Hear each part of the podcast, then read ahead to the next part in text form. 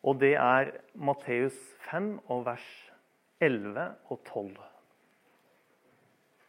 Ja, salig er dere når de for min skyld håner og forfølger dere, lyver og snakker ondt om dere på alle vis. Gled og fry dere, for stor er lønnen dere har i himmelen. Slik forfulgte de også profetene før dere. Slik lyder faktisk Guds ord. På mandag som var, eh, altså seks dager siden, så gikk jeg i fakkeltog i Oslo eh, for barn som forfølges for sin tro. Der lærte vi at mer enn 80 av verdens befolkning lever i land hvor det er innskrenket eller sterkt innskrenket religionsfrihet. Dette gjelder selvfølgelig alle typer eh, religiøse minoriteter, og ikke bare kristne. Jesus han sier at de som forfølges for hans skyld, er salige. Jeg hørte på en tale fra Open Doors, altså Åpne dører, eh, hvor predikanten hadde møtt noen av disse forfulgte kristne og spurte hva, vi i Vesten vi skulle be om når vi ba for dem. Og da svarte vedkommende ikke be om at forfølgelsen slutter. Men be om at vi får frimodighet til å formidle evangeliet. Til gjengjeld vil vi be for dere at dere skal få forfølgelse. Vi skal da ikke søke forfølgelse, skal vi vel? Nei, men mangel på forfølgelse kan være en indikasjon på mangel på overgivelse og etterfølgelse. Mangel på forfølgelse kan føre til likegyldighet. Er, derfor er de som blir forfulgt for Jesu navns skyld, i en lykkelig situasjon, som salig betyr. Når jeg bruker ordet forfølgelse, så innebærer det også hån, løgn og ondt snakk eller baktalelse. Slik sånn som Jesus sier i saligprisningen her. Så hva sier egentlig Bibelen om forfølgelse? 57 ganger så brukes dette ordet i Nytestamentet. Her er noen eksempler. Johannes 15, 20. Husk hva jeg sa til dere. En tjener er ikke større enn sin herre. Har de forfulgt meg, vil de også forfølge dere. Apostelgjerningen 9, 4 og 5. Han falt til jorden og hørte en stemme som sa, 'Saul, Saul, hvorfor forfølger du meg?' 'Hvem er du, Herre?' spurte Saul. Og svaret lød, 'Jeg er Jesus, han som du forfølger' og 2. Korinter 12,10. Og derfor er jeg fylt av glede når jeg for Kristi skyld er svak, blir mishandlet, er i nød, i forfølgelser og i angst. For når jeg er svak, da er jeg sterk. Å være forfulgt, det er å være i samme situasjon som Jesus. Å forfølge kristne er å forfølge Jesus. Når jeg forfølges for Jesu navns skyld, da er jeg svak i meg selv. Men sterk i Gud. Forfølgelse er også en indikasjon på om man lever et gudfryktig liv i Kristus Jesus eller ikke. For slik sier Paulus i 2. Timoteus brev alle som vil leve et gudfryktig liv i Kristus Jesus, skal bli forfulgt.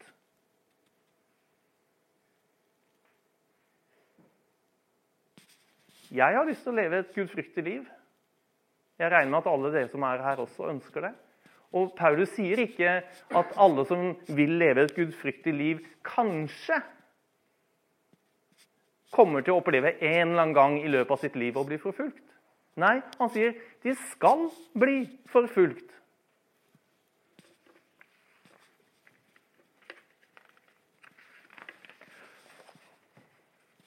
Og Det er dette gudfryktige livet Jesus beskriver gjennom bergprekenen. Og, vi, og sier at vi er jordens salt. Vi er verdens lys.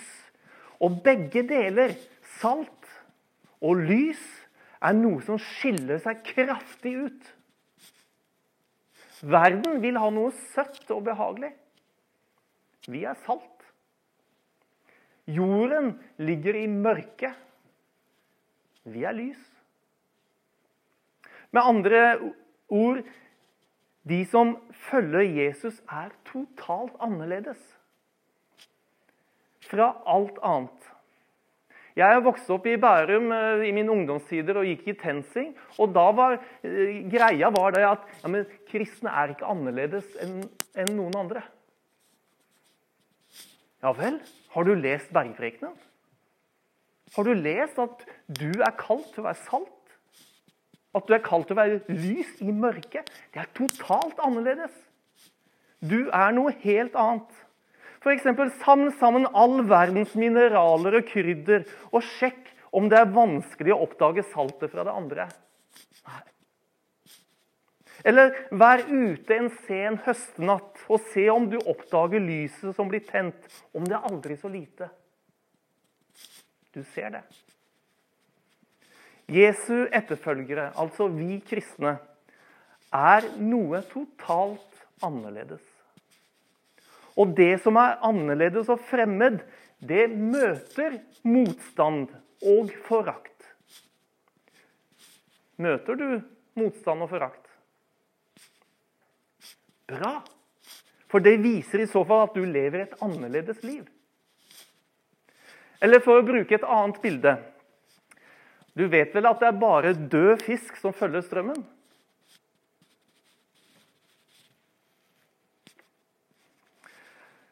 Jesus er den som kan sette oss i frihet til å leve et annerledes liv. Slik han viser oss i Bergprekenen. Bergprekenen er ikke leveregler for å begrense livet. Det er en holdning som setter oss i frihet til å leve et gudfryktig liv. Som myndiggjør oss til å leve som jordens salt og verdens lys. Bare les videre i bergprekenen, så viser Jesus oss dette helt konkret. Stikk i strid, og dermed en sterk provokasjon for samfunnet ellers. For det er provoserende med folk som nekter å bli sinte og snakke stygt om andre. Som prioriterer å gjøre opp med en venn fremfor å følge samfunnets ritualer som ikke søker seksuelt begjær til andre enn sin ektefelle. Og som ikke skiller seg. Ja, og i hvert fall la være å gifte seg på nytt om skilsmissen er uunngåelig. En som ikke sverger, og ikke setter seg til motverge mot de som gjør ondt mot en, men tvert imot elsker sin fiende. Det kaller jeg å provosere. Ikke rart at Jesus avslutter saligprisningen med å kalle dem lykkelige som blir forfulgt for hans navns skyld. For slik ble også profetene forfulgt før oss. Det er altså ikke snakk om forfølgelse for enhver årsak. Å bli forfulgt fordi du er ufin, sårende eller utfører kriminelle handlinger, det er jo selvfølgelig ikke en salig situasjon. 1. Eh, Peter 4 så står det Gled dere jo mer dere får del i Kristi lidelser, så dere også kan juble av glede når han åpenbarer seg i herlighet. Salig er dere når dere blir spottet for Kristi navns skyld. For Guds ånd, herlighetens ånd, hviler over dere. Men la det bare ikke skje at noen av dere må lide straff for mord, tyveri eller annen ugjerning, eller for å blande seg opp i andres saker. Men lider noen fordi han er en kristen, skal han ikke skamme seg, men prise Gud for dette navnet. Det er ikke noe å skamme seg over, men en ære å lide fordi en er kristen. I apostelgjerningen 5 40 det var kanskje første gang jeg oppdaget eh, i Bibelen eh, saligheten over det å bli forfulgt og mishandlet. Eh, da jeg leste det som en tenåring gjennom apostelgjerningene, så leste jeg dette. Og jeg ble helt sånn Det var en stor overraskelse og samtidig en inspirasjon. Der står det fra vers 40. De lot dem piske, forbød dem å tale i Jesu navn og slapp dem fri. De forlot rådet og gledet seg over at de var funnet verdige til å bli vanæret for navnets skyld. Men de lot seg ikke stanse. Både i tempelet og i hjemmene underviste de dag etter dag og forkynte evangeliet om at Jesus er Messias. Og piskingen og vanæren det så Peter og de andre apostlene som en ære. Og det ga dem en iver. Det var en boost, rett og slett. Etter å fortsette evangeliseringen og forkynnelsen om at Jesus er Messias. Og så har jeg tenkt på det, Hvordan opplever vi det? Eh, om det blir påpekt at nå er det kanskje litt mye Jesus-prat. Jeg vet ikke om deg, men jeg skal snakke for meg selv. Jeg demper meg umiddelbart. Finner jeg andre måter å formidle budskapet på? Nei, ikke alltid. Vi blir ikke forfulgt her i Norge for vår tro. Men og det tror jeg kanskje de fleste av oss har opplevd. Vi kan oppleve nedlatenhet og overbærende latter. Og om noen skulle våge å si at noe er sant, ikke bare for meg, men for alle, så blir vi møtt med ordene som mørkemann, dømmende og ukjærlig. Og hvordan kan du våge å si at noe er sant for meg? Jeg bestemmer jo over min egen sannhet. Det fører jo til at mange av oss vil bli forsiktige med å uttale oss både blant venner, kolleger og i det offentlige. Trykket mot de som mener noe annet enn det politisk korrekte, det er ganske stort. Og Dermed så holder jeg min tro og mine meninger for meg selv. Og hva er vel mindre inkluderende enn å påstå at Jesus er eneste veien til Gud? Det er jo tross alt mange andre religioner også. Det er snevert, det. Og hva med alle de millioner av gode mennesker som tror noe annet? Hvordan våger du å utelukke dem? En annen ting eh, mot, mot, motsatsen av forfølgelse, det er sløvheten. Det er så mye godt å kjempe for i mitt eget liv. Om jeg ikke skal bruke masse tid og engasjement på andre. Hus, båt, hytte, jobb, biler, hester, barn og ektefelle. Alt dette krever jo at jeg tjener penger. Og når endelig de pengene er inntjent, da fortjener jeg sannelig meg å nyte det også. Og ingenting av dette er galt i seg selv. Men når ting kommer i sentrum for, eller istedenfor din tro og engasjement, da har du faktisk byttet religion. Før så kretset livet ditt rundt Jesus. Nå er det kanskje Jesus som kretser rundt ditt liv? Og når Jesus ikke er den livet ditt kretser rundt, for der er jo alle de fine tingene og det gode engasjementet ditt, ja, men da er det jo heller ikke så viktig å søke fellesskap med andre troende. For skal vi være helt ærlige, så er det jo ganske ofte kjedelig. Og det gir meg jo så lite å gå på en gudstjeneste eller et kristent møte. Og der var det med en gang. Jeg er i sentrum. Jeg og mitt behov. Og mitt behov er det en annen Gud som tilfredsstiller bedre, og han heter Mammon. Jesus sier ingen kan tjene to herrer. Han vil hate den ene og elske den andre, eller holde seg til den ene og forakte den andre. Dere kan ikke tjene både Gud og Mammon.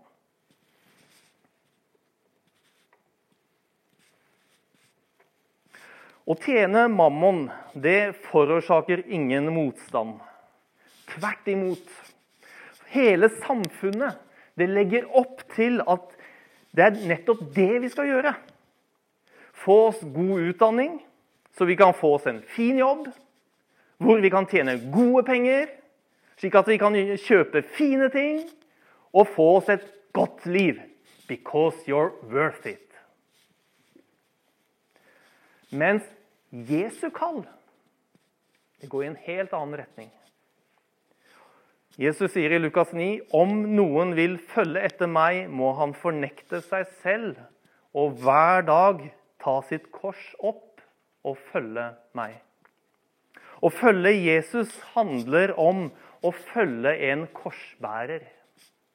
En korsbærer gjør ikke det for moro skyld. Det er med vitende om at han går dødens vei. Målet er korset, dødens redskap. Og dette redskapet er det vi hver dag kalles til å ta opp og følge Han som er livet og oppstandelsen. Når noen blir døpt, så, sier, så har vi døpt vedkommende, og så sier vi det.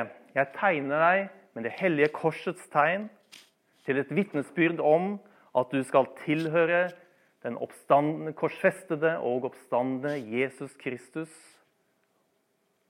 og tro på ham. For dåpen sier, eller Guds ord sier, at ved dåpen så er vi korsfestet, død og oppstanden med Jesus Kristus.